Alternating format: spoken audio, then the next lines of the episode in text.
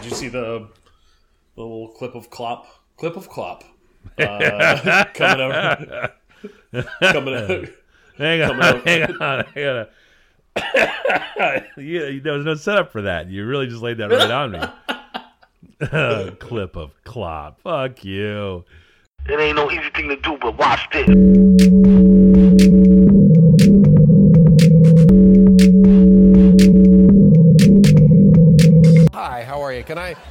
Help you with something? How you doing, man?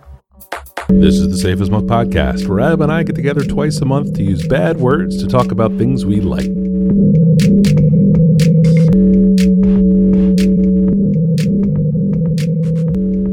Uh, are you drinking a beer? I am drinking a beer, Mike. Uh, of course, it's a triple crossing beer. 'cause That's like one one out of every three beers that we drink on here. Uh, I'm having the Rolling Blackout, uh, or Rolling Blackouts. Uh, it is an Imperial Stout. It is a big hefty boy. I do believe. I think it's around ten. Um, came in a came in a 16 ounce can. Uh, I bought a four pack when I was there uh, last weekend for the Can Jam. Oh, did you go out to that thing? Triple Cross Can Jam. Hell yeah. They they buy a bunch of cans from uh, friendly breweries and bring them to their brewery and sell them to the public um, For for, reasonable. consumption only on premises. Oh no no. I walked out. I walked out with some threes threes brewing fourth anniversary uh, cans uh, to to bring to my home and drink. Really? Yeah, buddy. Oh man, I thought that was Yeah, they're not they're not doing that thing like they the bartenders popping the tab for you before Yeah. they hand it to you. Nope, Yeah. Nope. Nope. Nope. Nope. oh, muy Yeah. I, I bought I bought a four pack of an IPA that I can't remember the name of. It's all gone. classic. I bought a four pack of this Rolling Blackouts, and I bought some uh, what was left over from the Threes Brewing Company, uh, just cause. yeah. So uh, no, what, how about you? What you drinking? Uh, a little medicinal Jameson. I'm uh, I'm not ready to get back on beers. Beer Island.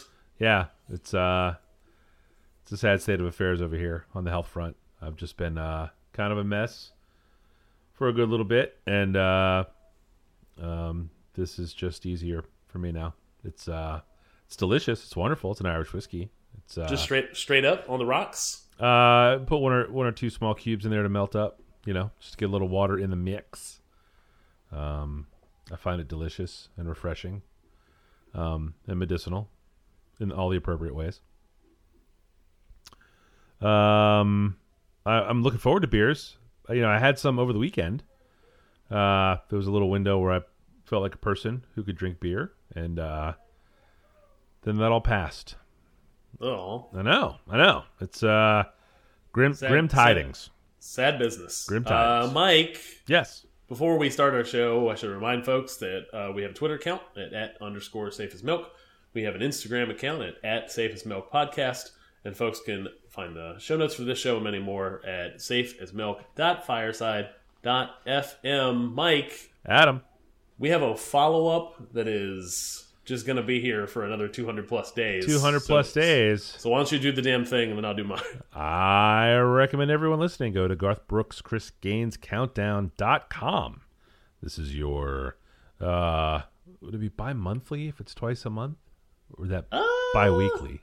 You're not doing them. You're not doing them every podcast. I do them, I try to do them every other podcast. Yeah, yeah, yeah. So yeah, that's yeah. every four weeks. I tell you how much time is left on the Garth Brooks Chris Gaines countdown. Uh, as of this recording, there are 259 days, 12 hours, 49 minutes, and 4 seconds remaining until the 20th anniversary of That's good. That's good stuff. Country Uh, music. Garth Brooks set to break the Heinz Field attendance record with his coming upcoming concert in Pittsburgh. It's going to be a big deal. He's still a big draw. He's uh, beloved by the people in the real world and here uh, in the cyber. Apparently, he went to Pirates spring training. He does that. He'll pop in a bit. He was he went to Met spring training one year. Yeah, Huh. yeah. He does. He loves baseball. Yet another feature in the in the phenomenon that is Garth Brooks, or perhaps is it Chris Gaines? Ooh. That's see, see. Ooh. Do you got- think he ever's just around the house and just puts the wig on? No, no, I don't. I don't. do. I think that. I like to think he. I like to think he does. I, I would guess that wigs are very uncomfortable. I'm not talking about an all day affair. I'm not talking about like a, a rainy Sunday in his PJs just wearing the wig the whole day. I'm talking about like in a private moment Then when would he do up it? in up in his like one of his like six bathrooms, just putting the wig on. Ah, disagree.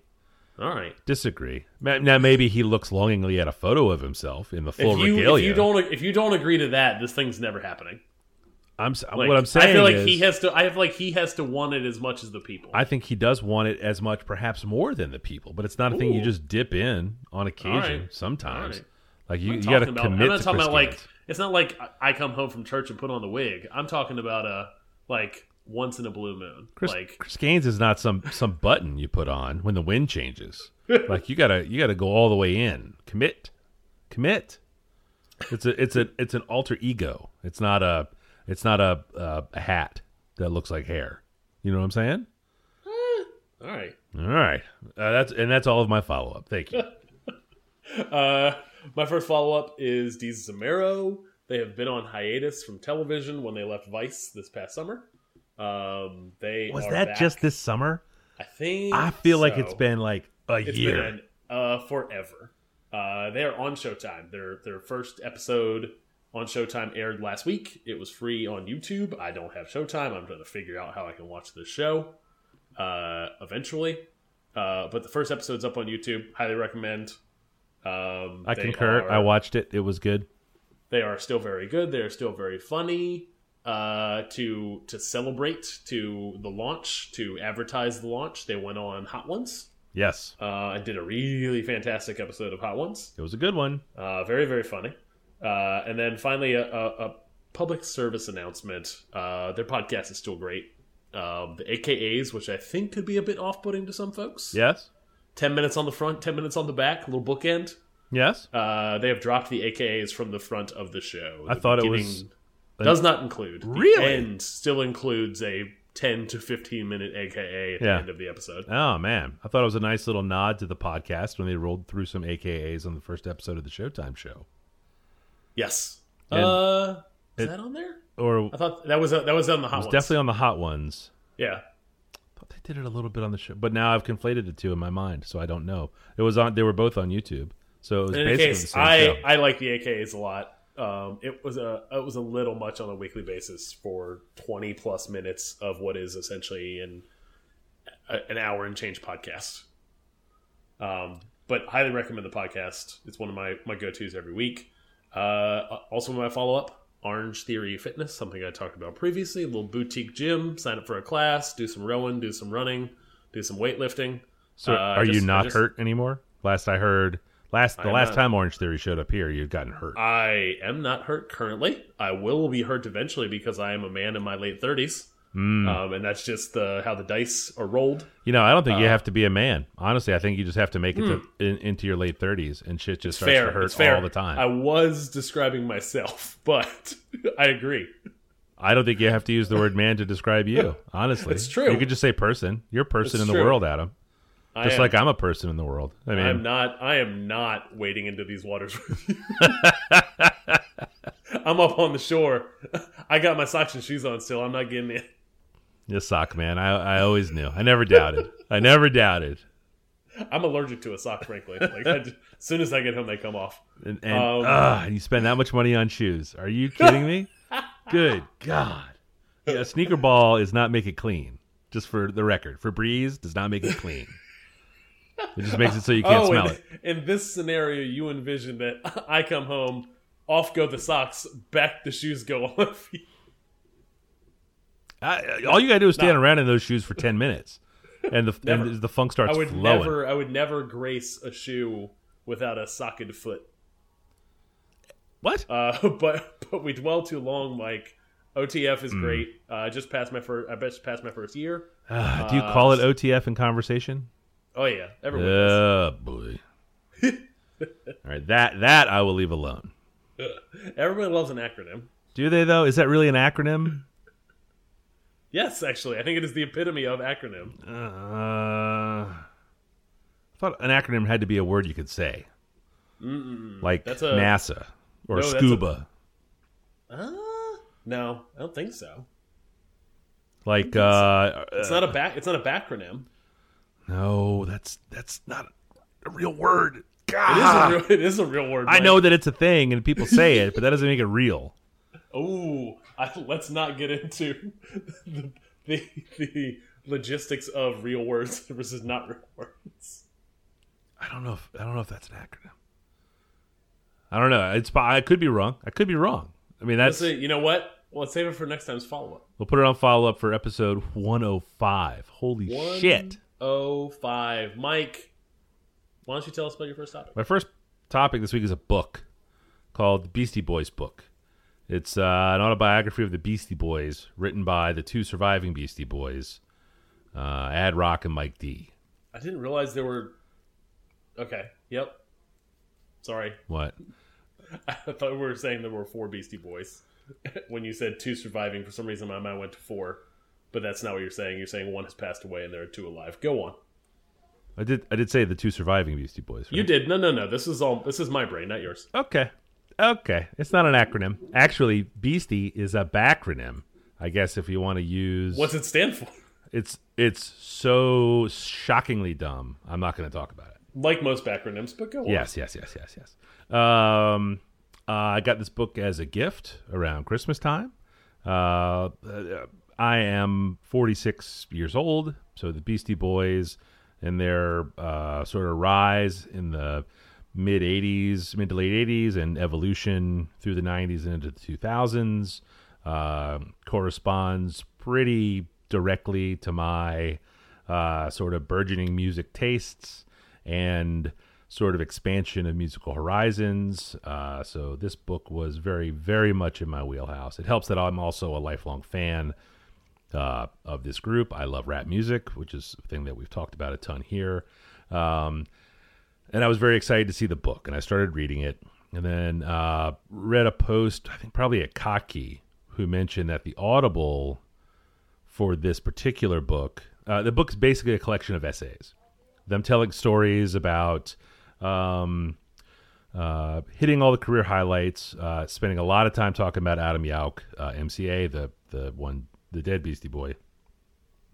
Um, and it's it's it's written as a series of essays. Generally, one or the other writes it. Uh, there are a couple they uh, uh, collaborate on. Um, there are a handful of people that write their own essays in there. Um, but the Audible was described as sort of a mixtape of all of these people in the Beastie Boys universe. So uh, a lot of the essays are are the ones that Mike D wrote. Mike D reads a lot of them. Same for Ad Rock. Um, Okay. But like uh, crazy celebrities read them, right? Like Bette Midler reads a couple. Jon Stewart reads a couple. Uh, a handful of people who are from that sort of uh, early to mid 80s Manhattan sort of art and music scene read them. Um, you can tell just the way they talk about it. Like they know they know exactly what's happening. They know exactly what they're talking about and what's going on. Um, sort of setting the stage uh, for the fertile ground from which these Beastie Boys grew. Uh, and the idea of that was very intriguing to me because um, I love a mixtape, and the Yeah. idea that this would be presented as a mixtape of essays read by people who were, uh, uh, you know, famous that I would that I would know and recognize seemed to really be really cool. Um, I don't know if this was maybe I never, I guess, listened to a book on Audible before. This is your, hold on, is your first audiobook with Audible, or is this your first audiobook in general? Audiobook period. Yes. Wow. Okay. Um, uh, that's uh, a whole other conversation. Um, lifelong resistance to the idea of audiobooks, and uh, this seemed to be like a perfect entree for it. Uh, the problem is the way the book is structured. There are tons of photographs that are vital to Oh, that's, telling that's the the worst. story. That's the worst kind of audiobook. Right. Uh, well, it, it was great though. Like some of it was great, great. Listening to listening to Rosie Perez read a story about you know danceteria in the Rosie Perez voice is fucking amazing, right? But um, you miss the photos. Like the photos are a big deal. The visual, Yeah. the visual element of uh, what the Beastie Boys brought to the table is an important thing. Um, so it was, uh, I don't know, it was okay. I guess you get two free audibles, so I'm gonna try another one at some point. I would I would recommend getting getting a good book for a drive. That is that is my ideal way to listen to an audiobook is like uninterrupted two two hour even even just an hour stretch of of getting a good audiobook and just fall like just falling into it while you drive down the road. I have, uh, we'll say, mm, acquired uh, most of the Harry Potter books, which I, I only hear good things about. Ooh, we are we just hit book five. They're very very good. So that might be. I have I have a long drive coming uh, to go pick up the oldest from college uh, here in May. Um, so I may do that with those then. Uh, but uh, uh, content wise, it's uh, it's great. Uh, I love, uh, you know, like I ramble and ramble and ramble about the cocaine and rhinestones and tales from the tour bus. Yeah, Um, just the sort of people that were there telling the stories about the fucked up shit that was going on when, you know, uh, uh, milestone music was made. Uh, this is all of that. Like it's just it's cool as shit, and I was super duper uh, into the stories. Um, if you're a Beastie Boys fan, it's uh, you you probably already have it. It's a super layup, uh, much like the basketball book, that Bill Simmons book. Uh, Yeah. Because of the way it's structured in the essays, you really can hop around. I mean, it's all you already really know all the stuff, so you're reading it to hear them tell the stories or to, you know, uh, listen to them talk shit about Russell Simmons or something like that. So it's uh, it's Can we- cool. Like these are lucky, lucky motherfuckers who uh, who, you know, uh, have done a bunch of cool shit. yeah. Uh, can we go off of a, uh, just a side little tangent? Could, do you know your favorite Beastie Boys song? No, Oh, okay. Well, maybe we won't go down this path. okay. Um, let's see. If I had to guess, it would be. Uh, You're guessing. Oh wait, wait, wait, pause. Are you guessing mine? no, no. no, okay, no, you're no. guessing. Sorry. Okay, okay, okay. You're you're you're taking a uh, off the cuff stab at your own. Yeah. Um, without doing a ton of work on it, uh, I always loved the B Boy Bouillabaisse from Paul's Boutique. Um, I, I remember buying that tape at the mall and uh, just absolutely wearing it out. Um, and then I would say, uh, what was the first single on Check Your Head? It was. because I bought the single at Sam Goody, and I sat in my car. Oh, pass the mic. Yeah, yeah. The way that song starts is just fucking crushing. Yeah, it's uh, that probably is my favorite Beastie Boys song. Um, uh, and they played all the instruments on that. It's a it's a it's an interesting story of how they started as like bad musicians and then became like meathead rappers, only to kind of cash that stuff after an album or two, and then uh, got back to playing music. Like there's they, they do a lot of cool shit because they had the time and resources to think about doing cool shit, and they just did it. Do, do you have Yeah. a favorite Beastie Boys song? Uh, I think I was thinking about this when you first when I saw when I saw the book. Uh, I think it's Flute Loop.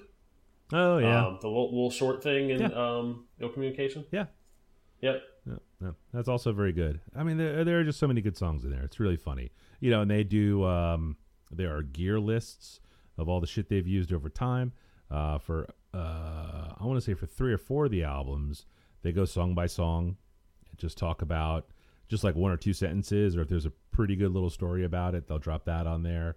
Um, they talk about all the characters, uh, all the weird shit that you've heard sampled on there, like anything that sounds like it came off an answering machine really did come off an answering machine. Like the the story about the answering machine is, uh, are you familiar with Paul's Boutique? Yes. So the the little radio ad in there, the the phone number that's in there. Um, at some point, the store, the actual store, Paul's Boutique, closed.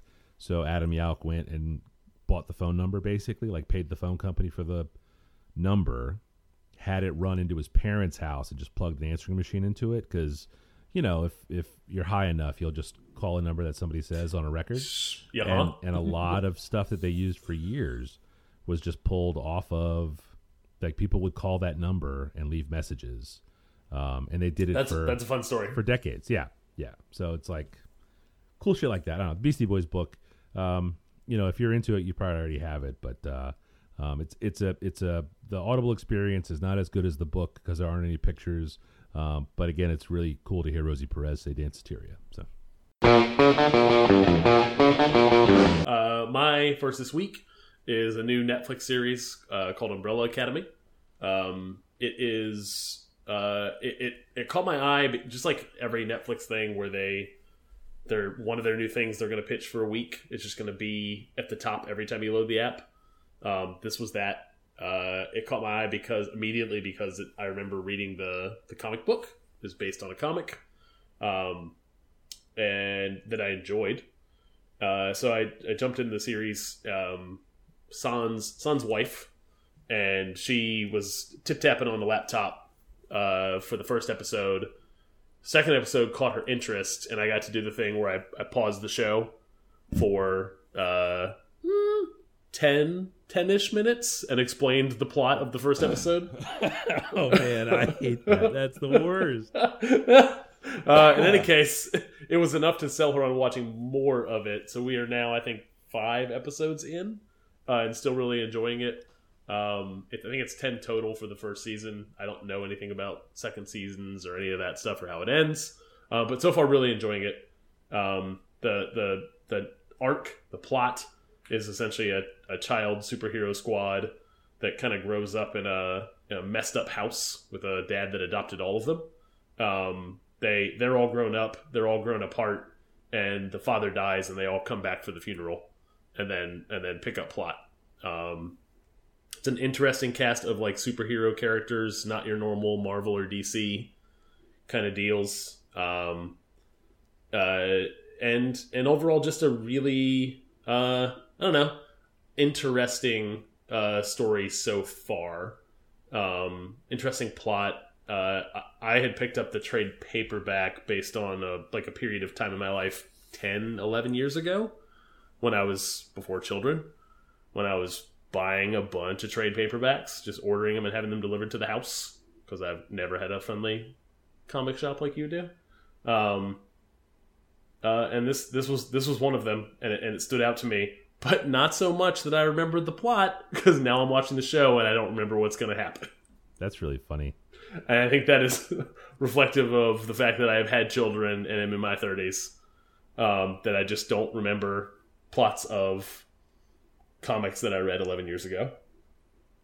I remember buying the first trade, maybe, or at least the first only- couple of issues. It's a, it's a it's a short run, so it must have been issues because I think there was only two trades, and then apparently there's an outstanding trade that has not been completed. It's supposed to be a three part series. Yeah, I uh, I remember it. The art was cool. I don't remember who did it, but um, It's the I know who wrote it because Oh, at the, that's at the right. time it was the My Chemical Romance uh, lead singer who was Yeah. writing this comic, and people I th were making a big deal about it. it was a big, very big deal. And I, I will I will admit that I, I was talking to some folks at work about this show, and I mentioned that the My Chemical My Chemical Romance guy did the thing, and I was like, to be honest with you, could not name a single song, don't even know what that sounds like.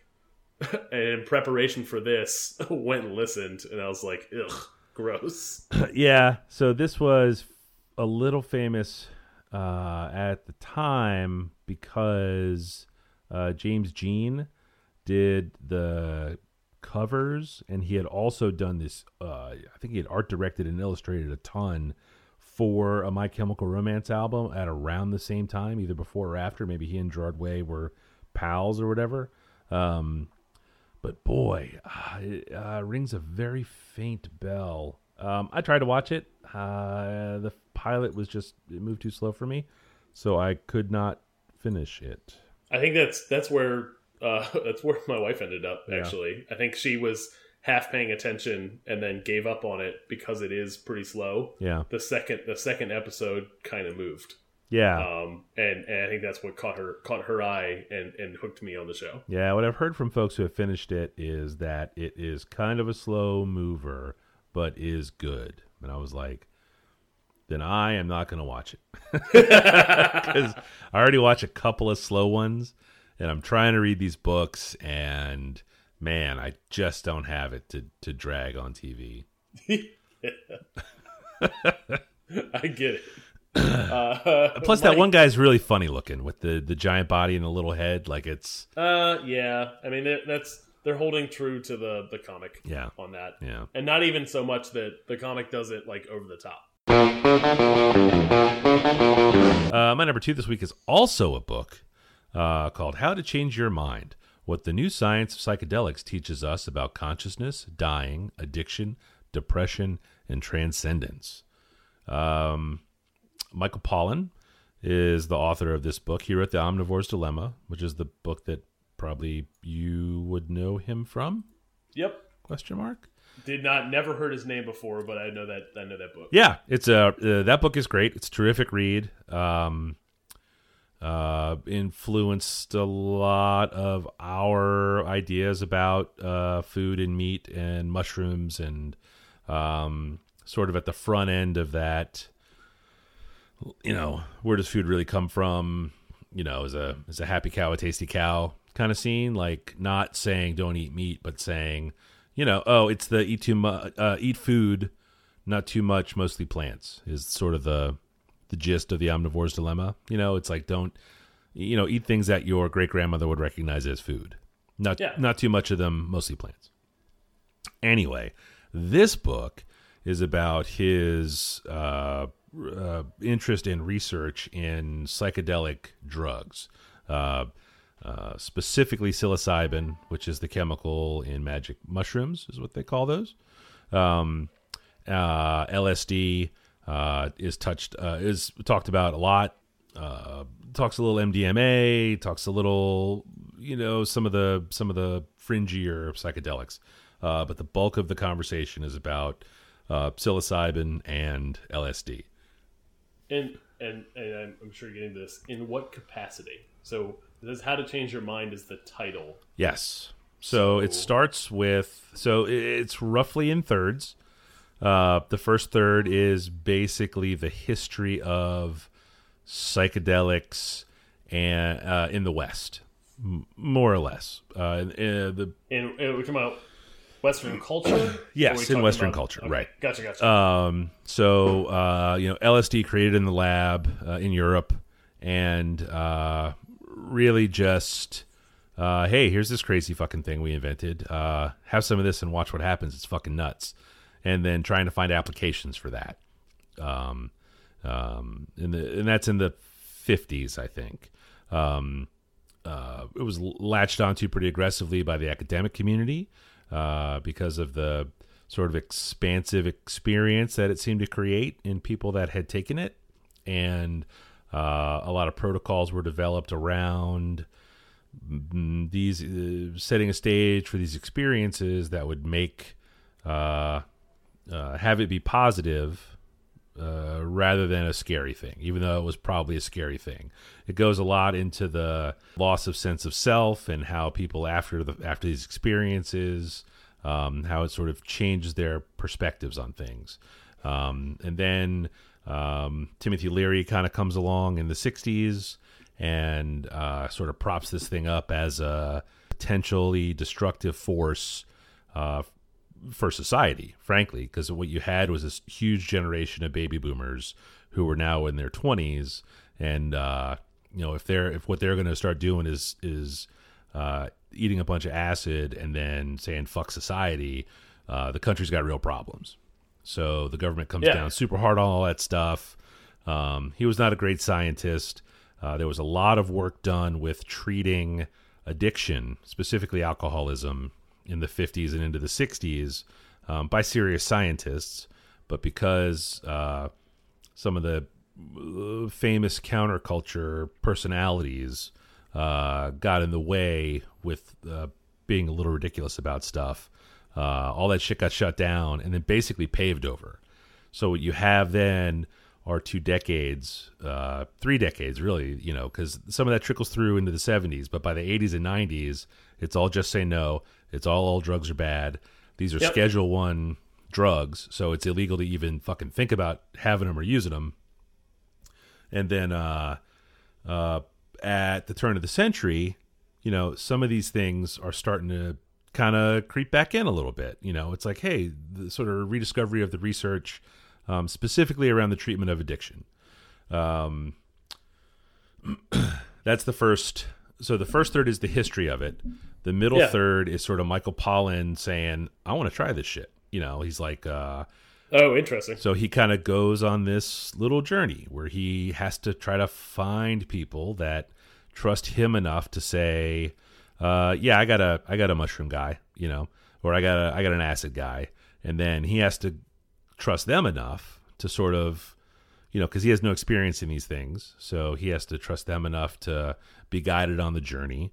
Um, he talks a lot with. Uh, do you follow Paul Stamets on Instagram? S T A M E T S. I do not. Uh, he's sort of the mushroom guy. He's basically he's a, he's a mycologist, which is a scientist that studies mushrooms, but he's uh, kind of the go-to psychedelic mushroom guy. Um, he's a very interesting follow. Uh, mushrooms are fascinating organisms that live outside of. They are neither animal nor plant, but they have some properties of both. It's a it's really really crazy shit. Um, but he spends some time with Paul Stamets talking about um, uh, different varieties of mushrooms that have a lot of psilocybin in them and sort of where they might show up and stuff. And they go and camp at a state park where the weather has been a certain way and it's a certain time of year and it might be a you know might be able to go and find some mushrooms but like uh paul stamets has to kind of duck down in the truck when they go by the gate because uh he's 'Cause they know him? because everyone knows who he is you know so it's like the park rangers are looking for this guy basically and you can't be walking around where there probably are mushrooms staring at the ground because the park rangers are going to be like what the fuck are you guys doing get the fuck out of here kind of stuff so uh, he has some adventures with him.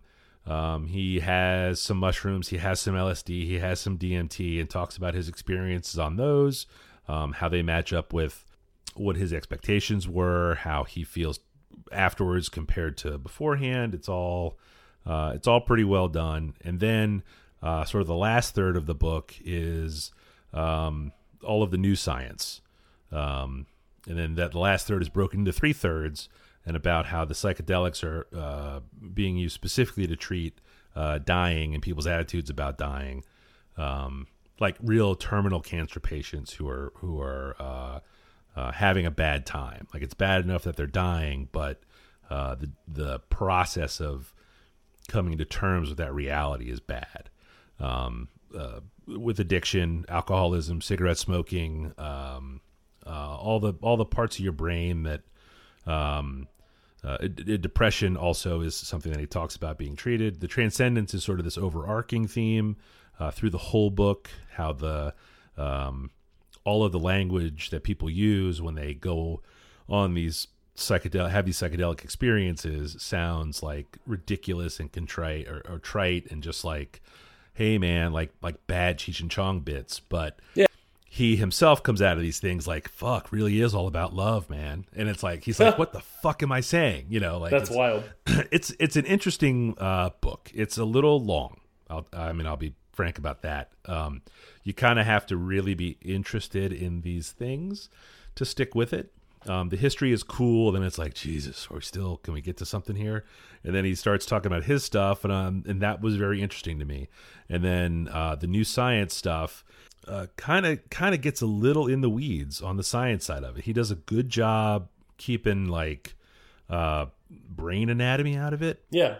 Uh, it. It's fascinating. This is a this is sort of a left. I I I si- I'll sidebar for a second and say I'm I am really interested in this topic. Um, not enough maybe to read a book. Did you ever watch the Vice show uh, Hamilton's Pharmacopeia? I have not.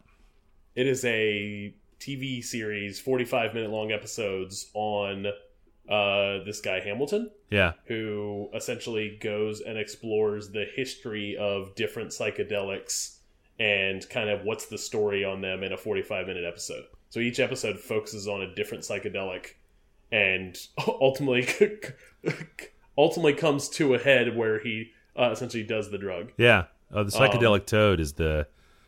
Uh, yeah, that's the yeah. Yeah. That's in this book. So he's like He's yeah, a Burning Man though. No, no, no. I mean, I think that's only one. Like one is him. One is him going to South Africa and essentially finding like a a quaalude there that is like a natural, like naturally existing. One's on PCP. One's on salvia. One's on mu magic mushrooms. He totally- Mexico. totally looks like, um, uh, like someone making fun of Vice. Like he looks like the character they would draw. it looks like, Like, documentary now. He is. Yeah. He is a weird, weird ass cat. I watched a lot of this show. yeah. Oh, that's one I Um, will check out. Yeah. Yeah, um, it is interesting. Like, oh, I think the first episode is like watching a guy like foam at the mouth, like in a river when he's like with a shaman guide. It's not. It's not him. It's it's essentially a, a bunch of people that will essentially like do like psychedelic tourism, Yeah. where it's a big deal. meet, yeah. you go and meet a shaman, and they and they take you out into the wilderness, and you like sit half your body in a river, and then take a psychedelic, and you everybody reacts differently. So they show like three different people taking it. One Yeah. guy foams at the mouth, and they have to make sure he doesn't choke. yeah. And then another and another person just kind of doesn't have that physical reaction at all, Yeah. and they all go on weird different trips. Yeah. it's, it's a it's a wild show. So something like this is uh, a thing that's touched on a lot in like the back end of the book because it's like these are real doctors, real clinicians trying to treat sick people, and then uh, there's this whole group of people that study and uh, practice with psychedelics that are like, you know, this is not just for sick people. Like well people can benefit dramatically from this, and the scientists are all like, we can't get this legalized for you know people that are dying of you know stage 11 cancer right like, like we can't even get weed legalized in this country. right so it's like you you can't even talk about you know like the words recreational use are not allowed in Yeah. this room you know it's like a memorandum of understanding like we just don't use that anymore yep. um but it's uh, uh sort of a kind of a left field field of interest of mine and uh I enjoy Michael. I've enjoyed Michael Pollan's work in the past. Like I said, this it, it does run. It ran a little long for me, um, and I really need like some just some snappy fiction. Like it would be really cool if there was another one of those Rivers of London books right now, but there's And a really good palate cleanser. Yeah, My second is video game. Uh, buckle up because I have two video games this time. Okay, hang on, hang on. Let me get the Uh, buckle. Hang on. If you, if this might be the perfect I'm in. opportunity for our our wives to learn about how time codes work in podcast. Uh, I can tell you, uh, uh, neither of our wives want to listen to Karp. So I was gonna make the joke no, that this might be a really short episode. uh, as far as yes, our spouses are concerned, yes, Yeah, absolutely. But then you, but then you talked about a book about psychedelic drugs for Man, it was about the journey though. a really long time. uh, my my second pick is Apex Legends. Um, it's an interesting. It is interesting as video game um, because it comes from a, a a a video game developer with a lot of history of success. They're the Titanfall guys. They're originally the Call of Duty guys. They're the guys who made the original Call of Duty. Um, they had a falling out with their developer. They go away. They make Titanfall, um, and they've been kind of quiet for two years. Uh, they announced and released a game in a four day period, like full secret. Um, they had a they they like little leaks were were trickling out on a Thursday, and then on a Monday they had a public event, uh, like a media event where they announced the full game and released it that night. Um, the game is a battle royale because all new video games are battle royales. Battle royales are your, uh, you know, the ring is closing in. There's a hundred people. Last person alive wins. Um, mostly shooters. Um, this is probably the fourth big entry in that space. I've played all of them. This is far and away the best in my opinion. Um, and and what I think is interesting, and what I think is the hook here, is that uh, I don't like playing video games with strangers. Um, I either play video games by myself or I seek out social social interactions with friends through video games. I have done that with you, with World of Warcraft. Yes. Um, I have done that with you with Gears of War Yes. at one point, ages ago. um, Man, that game was the best. I have a I have a small pool of friends that we we hop around from game to game and and just play with each other and then the game fades away and we go look for the next thing. Um this is a game that I think goes the farthest as it as anyone has to making playing playing with strangers fun. Um, it's a game that where it doesn't bother me. I think the problem with playing with strangers is one you don't want to talk to them because they are all in all likelihood someone in their twenties who I don't know doesn't know shit about shit. Who is Yes, wants to tell me all the homosexual slurs they know. mm. and it's, Um, it's it's way more than I ever think. Really. Yes, yes. Um, this is a game where I, I, by default, I turn off the chat functionality of talking to people, but it has some really clever ways that make uh, cooperating with strangers a really great experience. One is that when you drop into the world, you spawn together.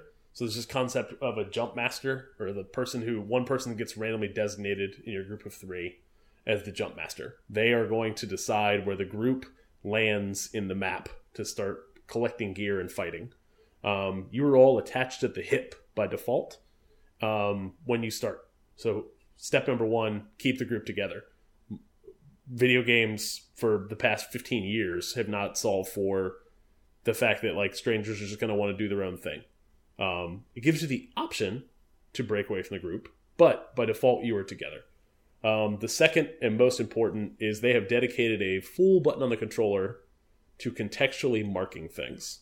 Um, if I see a piece of gear on the ground that I think a teammate might want, I can click the R1 button on the PlayStation, and it will. My character will say, uh, you know, shield here, and mark it on the map for my teammates. Same with when I see an enemy. Uh, same with when I want to go. You know, we should go run that way and point in a direction. Is it is fantastic. What best best feature I have seen in a multiplayer game easily in 15, 15 years. Um, and then finally, from a BR or battle royale standpoint, my biggest hang up with these games is that you you got the one life, you collect gear for 15 minutes, and then uh, some some 20 year old, some 13 year old um, aces you, puts you out of your your your misery, um, and then you're done. You start all over again. This game actually allows your teammates to come find where you died, uh, collect your, I don't know, DNA, and then clone you and bring you back if they can get to like one of these cloning stations, respawn stations. That- Um, that's a little. it's That's a little Gears of Warsy. I mean, Uh, uh, that's they had the bleed out timer. So So yeah, yeah. So there, the there is that. yeah. I think all battle royales have that concept, which is you get shot and you get knocked Right. essentially, where you're you're like on on all fours. There's blood all over your screen, and if your teammate can get to you in time, they can respond. They can get you back up. Oh, okay. Right. This is a a step further, which is uh, either the timer goes off and you f- you fall dead completely, or the guy like who's you're fighting with like executes you and just finishes you off.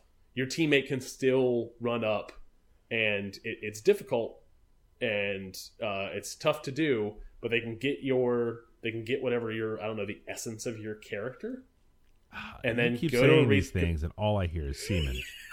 like it's just semen. I so like your essence, like good- your seeds. That's a the good. seeds of rebuilding you. I think you're what you're reading into is essentially the, the line, the line of jokes that I make while playing with friends while playing this game, which is Like, do they take out an index card me, and kind of scrape take, you up? Take me to the sperm bank and reproduce me. Yeah, is it like like Ghostbusters, like like the little petri dish and the lid trying to?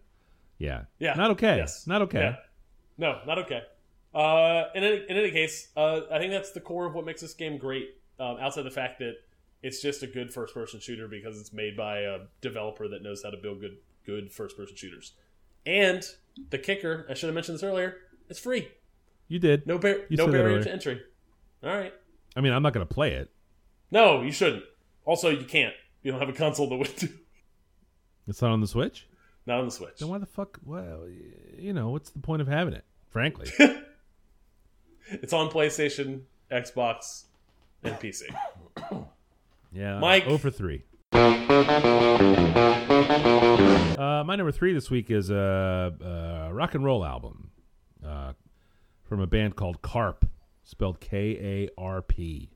The name of the album is Self Titled LP, meaning Self Titled LP is the name of the album. The album is not called Karp. Oh, so it's not just a self-titled LP. It's It's not that's eponymous. the- That is That's correct. the joke. Correct. I got it. Uh, uh, this album is from 1997. Uh, this band is from the Pacific Northwest. Uh, the song that I recommend you listen to is called Bacon Industry.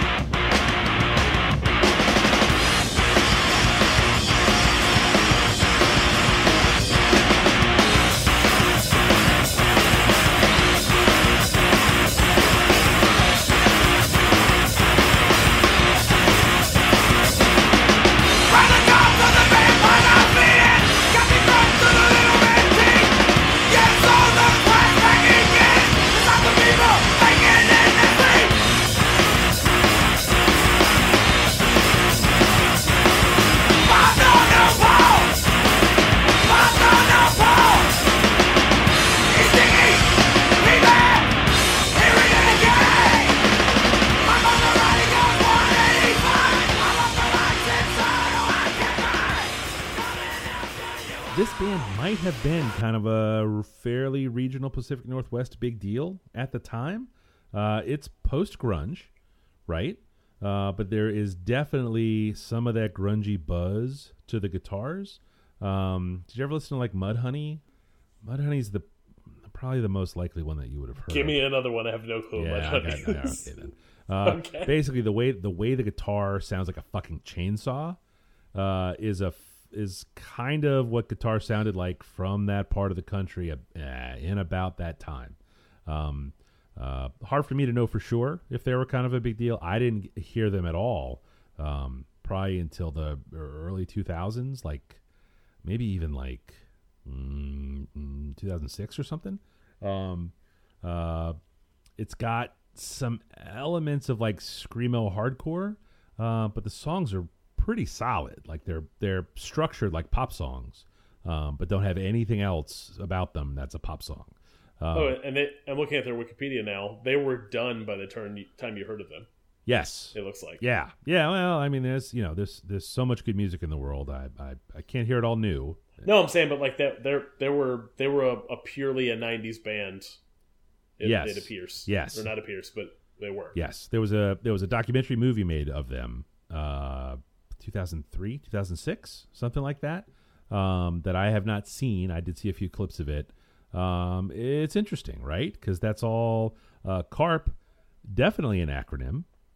Uh, kill all redneck pricks.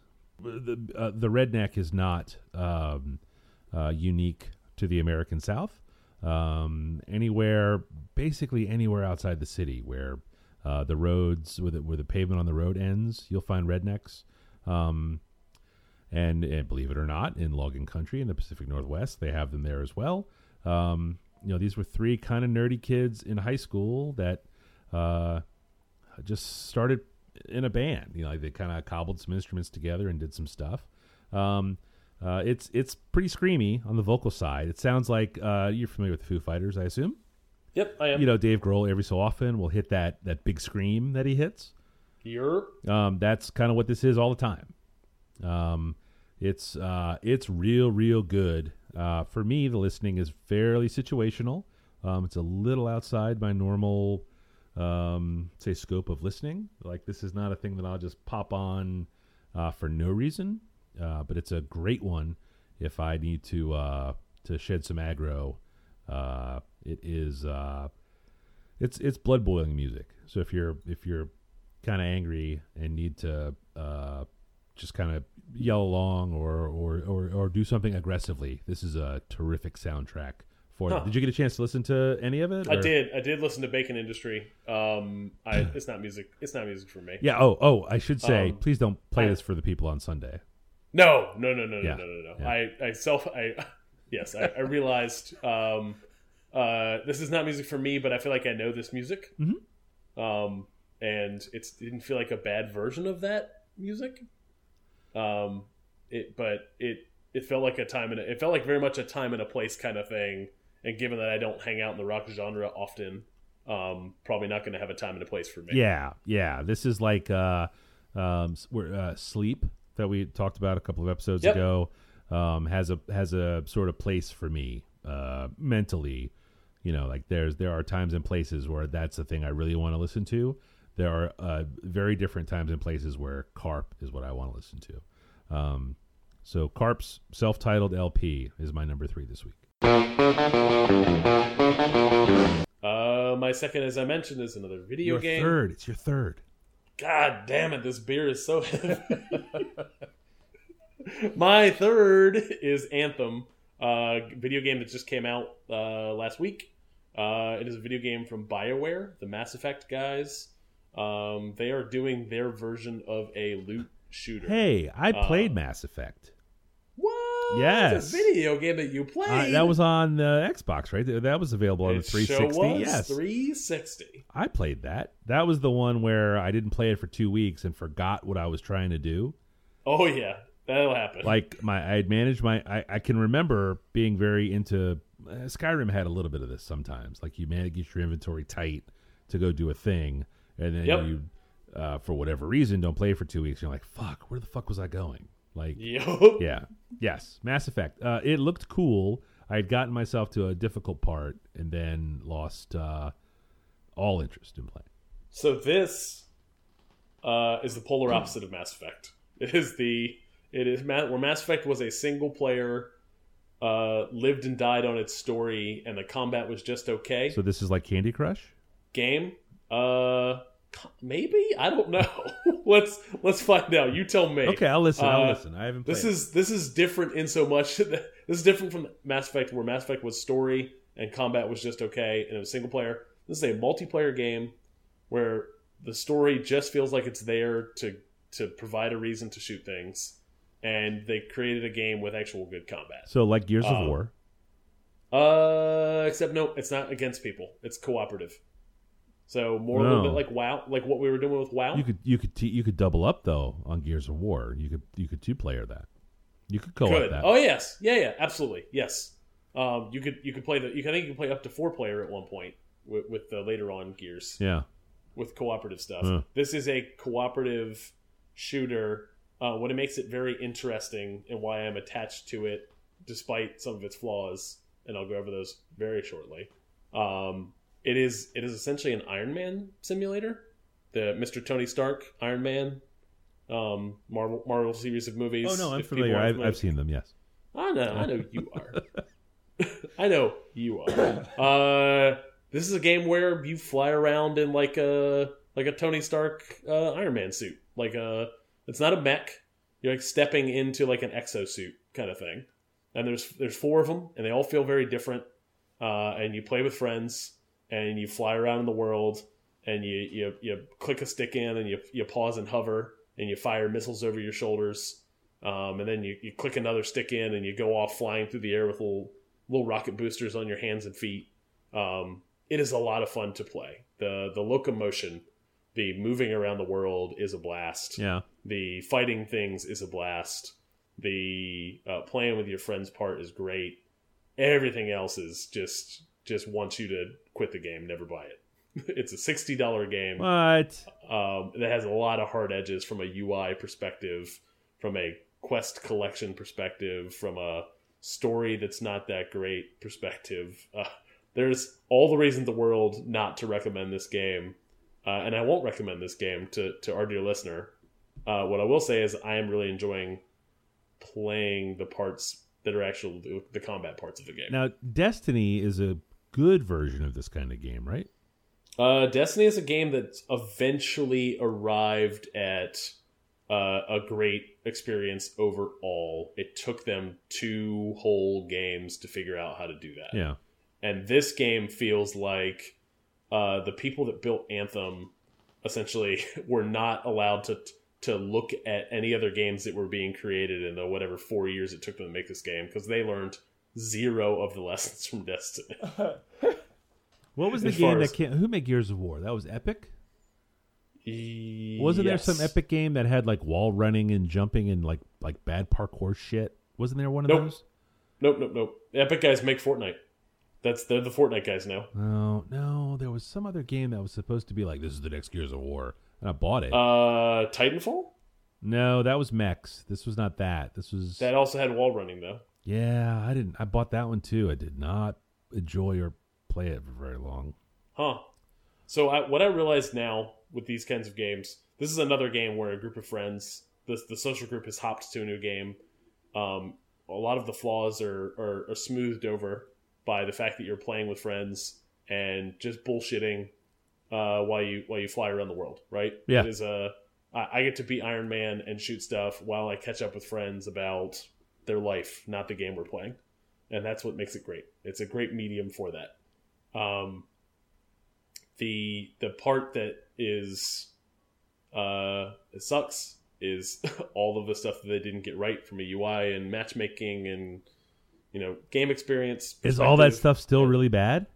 Oh yeah, yeah, it's a week old, and they're not they're not going to No. fix it, and they're not probably not. They might if given enough development dollars, they might fix it a year from now, um, and it might be a game that is worth playing. Um, but I'm going to be off this game in uh, in three weeks. Division Division Two is coming out, and I played the beta, and it's really good. Yeah. and I'll be talking about it on this show. Oh, oh, spoilers. Sneak peek. Sneezy peasy. Ugh, I'm not saying that anymore. ah, that was awful.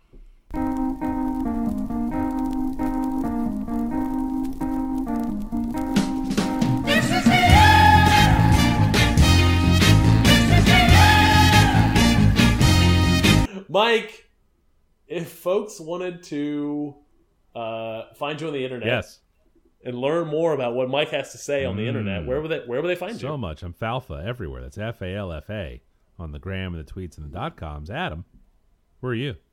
I am 180lunches.com and on Instagram. You still drawing?